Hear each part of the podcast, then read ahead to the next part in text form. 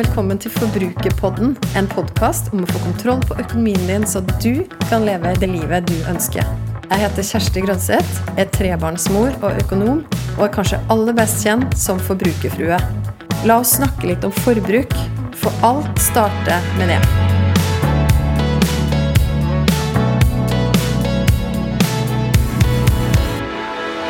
I denne sommerspesial av Forbrukerpodden så skal du få høre fra Johanne Refseth, som er bedre kjent som psykolog med sovepose fra Instagram-kontoen og bloggen med samme navn.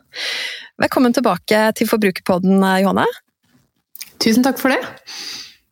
Vi hadde jo en episode tidligere, før sommeren, der vi snakka om mye om følelser og økonomi. Og du som ikke har hørt den episoden ennå, da anbefaler jeg selvfølgelig å gå tilbake i biblioteket og finne den. I denne episoden her, Johanne, så skal du få dele noen helt konkrete tips til billig friluftsliv i sommer. Og du skriver jo, eller fokuserer jo på denne bloggen din annet på at friluftsliv ikke trenger å være dyrt, og du gir tips til hvordan man f.eks. kan kjøpe utstyr brukt og låne utstyr gratis. Så kan ikke du nå dele tre konkrete tips til de som hører på Forbrukerpodden for billig friluftsliv i sommer? Ja. Jeg syns jo friluftsliv, sånn sommerferie, eh, særlig kanskje Eller for alle, egentlig, men særlig for barnefamilier, er et kjempebra alternativ. Eh, min erfaring med barn på tur er at de trives superbra. At det er en veldig sånn fin måte å være sammen på, også fordi mindre distraksjoner, mindre TV, mindre iPad, mindre telefoner, og vi vet jo alle hvordan det kan påvirke samspillet vårt med barna. Problemet for mange er jo at de tenker at det her er jo superdyrt. For det er jo veldig mye utstyr, og hvis du går ned på XXL og skal begynne å kjøpe det nytt, så eh, blir det fort dyrere enn eh, den sydenturen. Så eh, det mange ikke vet, er at det er fryktelig mye utstyr man kan låne gratis. Nesten alle kommuner i Norge har ulike typer tilbud hvor du kan låne det. Bua f.eks. er jeg vet ikke helt om de er over store deler av landet. De har eh, sånne utlånsordninger, eh, så ta kontakt med, med de. Eh, mange frivillighetssentraler har utlån. Og så er det, Hvis du er usikker i din kommune på hvor du kan få tak i der, så ta kontakt med kommunen selv og hør. Eller forhør deg med venner. Og, for det, her er det masse sånne banker rundt omkring i landet som kanskje er litt for lite brukt da, i forhold til hva, det, hva vi hva vi kan uh, hente ut av potensialet der. Fakta er at mange som drar på telttur, de drar kanskje ikke så veldig mange ganger i året. Selv om vi gjerne kanskje vil mer på tur enn vi egentlig har tid til. Og da er det egentlig beste alternativet er egentlig å låne det. Så smart. Så, det var ikke jeg klar over, men det skal jammen benytte meg sjøl i sommer. Ja, det er faktisk helt genialt. Vi har jo bua her i Nordre Aker. Det er jo, de har jo utstyr ikke bare til sånn telt og overnatting, og sånn, men også langrennsski, slalåmski, snowboard altså, Det er ikke den ting de ikke har, altså. Det er helt sjukt. Sykler. Ok, så hva er det første tips? Lån utstyr? Det er første tips. Lån utstyr, ja. Eh, så er det jo sånn hvis man eh, Skal jeg ta neste tips, kanskje? Gjerne. Ja, eh, neste, hvis, hvis, du ikke får lånt, så er det eh, mange steder du kan leie utstyr. Eh, mange legger ut annonser på Finn eh, hvor du kan leie. Og så er det noe som heter Hygglo, som, hvor man kan leie utstyr. Eh, og er også, der har jeg leid en del sånn eh, utstyr som man kanskje ikke bruker så ofte. Da. Og dette her er ja, sånne ting som telt som funker på høyfjellet. Hvis du skal én uke på høyfjellet i året, hvor du vet at du trenger et telt som trenger litt, å tåle litt ekstra vind. Eller hvis du skal på ferietur med hele familien, mens at du vanligvis kanskje bare er på tur med deg sjøl.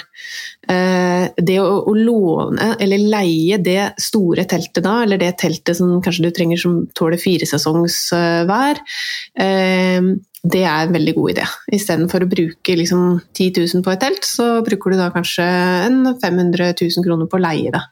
Mm. Om det er så mye en gang. Det er litt forskjellig hva folk tar, men der er det mye å hente. Altså det er ja, veldig, veldig bra alternativ. Veldig bra. Så da har vi låne utstyr gratis, eller leie utstyr. Det her, er, er kjempebra, veldig nyttig. Så da har du nevnt Bua, og så har du nevnt Hyglo. Så her kan man jo bare ta notater. Har du også et tredje og siste tips, Johanne, til hvordan man kan få til litt billig friluftsliv i sommer? Ja, sånn generelt billig friluftsliv er eh, det er en god idé å sjekke ut om du faktisk trenger et telt. Eh, fordi veldig mange Det her blir sånn kombotips, da. Det blir flere tips igjen. Én ting er trenger du egentlig telt? Eh, fordi at eh, ofte, mange, de er kanskje bare ute i marka en tur, det er kanskje kjempefint vær. Eh, da trenger du kanskje ikke telt engang, ikke sant. Hvis du trenger noe tak, så går det an å kjøpe en presenning. Presenninger er kjempebillige. Og så feste tråder i, og så binde opp det som et tak over der du der du sikter. Dette kalles en tarp. Og du kan gå inn på YouTube og lære deg massevis om kult tarpoppsett. Du kan også kjøpe en tarp, de er ikke så veldig dyre. Um, eller du kan igjen leie eller eh, låne, da. Uh, men, men, der er det, der kan du gjøre noe som er mye mye billigere enn å bruke et telt. Det som du skal være obs på, er selvfølgelig mygg. Eh, og at det kan være godt å ha en myggnetting f.eks. over ansiktet eller, eller sånn på overkroppen. Da. Det kan man kjøpe. Det er heller ikke kjempe, kjempedyrt. Eh, smart hvis du har myggnetting og skal sove under åpen himmel eller ikke har et telt med myggnetting i, er å ha på med seg en caps, sånn at du ikke får den myggnettingen ned i ansiktet. Mm -hmm. Mm. Så er det sånn at ja, eh, så er det, det her er mer sånn bruktkjøp triks, tips og triks, da, men at det er en del Hvis du skal kjøpe deg friluftsutstyr, så er det en del friluftsutstyr som er av vanvittig god kvalitet. Og det er sånn at hvis du kjøper eh, nytt eller brukt, eh, forholdsvis lett brukt, da, eh, av de store merkene, f.eks. Telt, Hilleberg eh, eller Helsport, Eh, så er det mye av det som holder seg veldig godt på bruktmarkedet i verdi. Eh, så det vil si at hvis jeg kjøper et brukttelt da, eh, til kanskje 60% av nyprisen, Bruker jeg det kanskje ti netter, så kan jeg kanskje selge det igjen til 50% av nyprisen. Og da blir sant, eh, det beløpet du da har brukt da, på, på, telt i de ti nettene, det blir ganske lavt. Mm. Så man kan, eh, ved å investere i produkter som har eh, lang levetid, god kvalitet Telt, ikke sant, Helsport, Tillebær er veldig gode. Man skal være litt obs på at Helsport har noen billige linjer, og så har de noen litt dyrere linjer, så man må lese seg litt opp på hva som er hva. Ehm, men stort sett så holder det seg veldig godt. Eh, og Helsport har eh, gode De reparerer, de har en veldig fine eh, fint verksted. Man kan sende inn gamle telt og få hjelp til både utbedringer og reparasjoner og sånt. Så det samme gjelder Hilleberg. da. Eh, også sammen med, med soveposer og sånn. Altså, hvis du passer godt på vedlikehold og sånne ting, så har du da produkter som holder seg veldig godt. Da.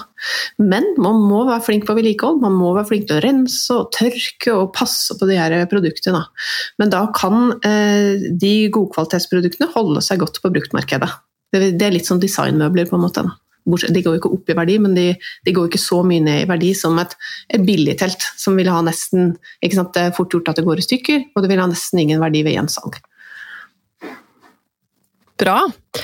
Så da har vi eh, låne utstyr gratis, du kan eh, leie utstyr, og du kan altså tenke alternativt til telt f.eks.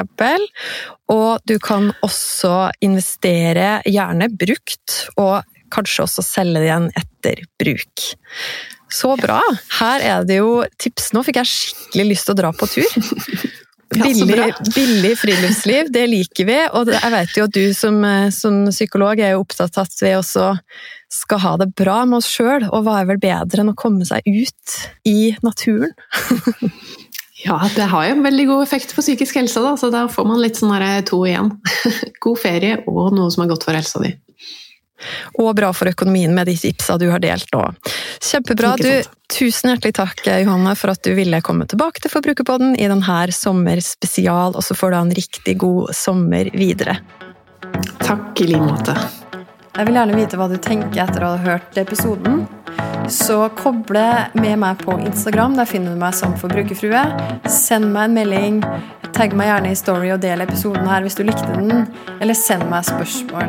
Og husk å abonnere på podkasten Forbrukerpodden, så får du beskjed hver gang det kommer en ny episode.